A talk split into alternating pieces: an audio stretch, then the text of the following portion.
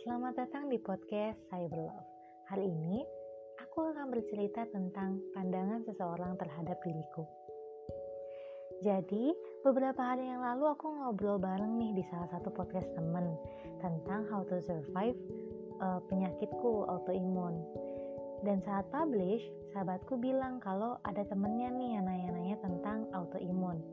Lalu dia bilang katanya temennya itu kasihan sama aku. Jadi temennya itu mengasihani aku lah. Terus sahabatku ini jadi kesel.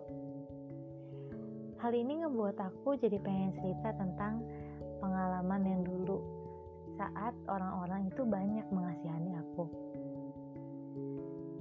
Satu setengah tahun yang lalu, aku adalah gadis yang duduk di kursi roda.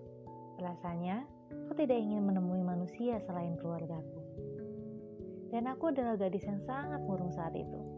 Dokter menyarankan beberapa solusi untuk mengutarakan perasaanku agar bisa menjadi lebih baik. Karena aku bukan tipe orang yang bisa menceritakan masalahku kepada orang lain. Aku selalu memendamnya karena aku benci untuk dikasihani. Tetapi Ketika aku sudah bisa mengatasinya, aku akan bercerita untuk menyemangati dan memberikan pelajaran kepada orang-orang yang sama sepertiku. Oke, kembali lagi ke cerita. Saat itu kadang ibuku mengajak untuk jalan-jalan. Sebenarnya aku tidak suka jalan-jalan saat itu. Kamu tahu kenapa? Ya, banyak orang yang memperhatikanku. Tatapan mereka seakan-akan mengatakan, kasihan banget dia. Padahal masih muda. Kenapa dia harus di kursi roda? Aku juga yakin banyak teman-temanku yang mengatakan atau berpikiran seperti itu. Mengasihani diriku dan nasibku yang malang. Aku benci mereka semua pada saat itu.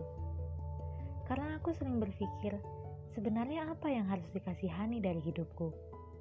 Siapa kalian yang berani-berani menilai hidupku? Kau tahu, Mengasihani teman ketika terjatuh lebih jahat daripada menertawakan lalu menolongnya.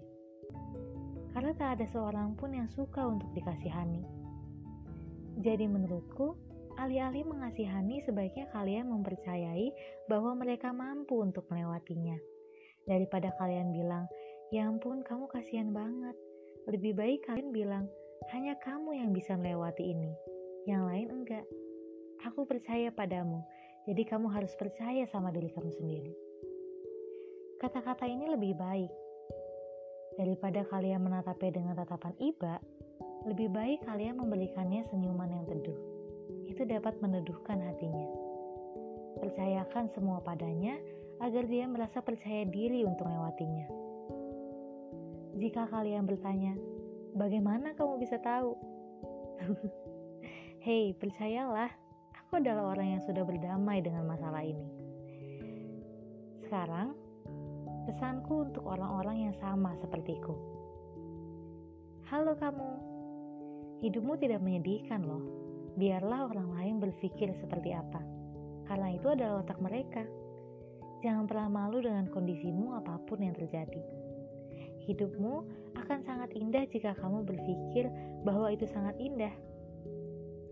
Hei, tataplah mereka dan katakan bahwa kamu kuat dan bisa menjalaninya.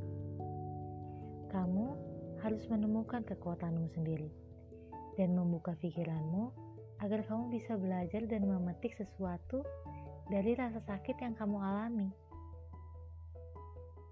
Salam hangat dari gadis yang pernah duduk di kursi roda. Sekian podcast dari Cyber Love. Terima kasih sudah mendengarkan. Sampai jumpa di episode selanjutnya.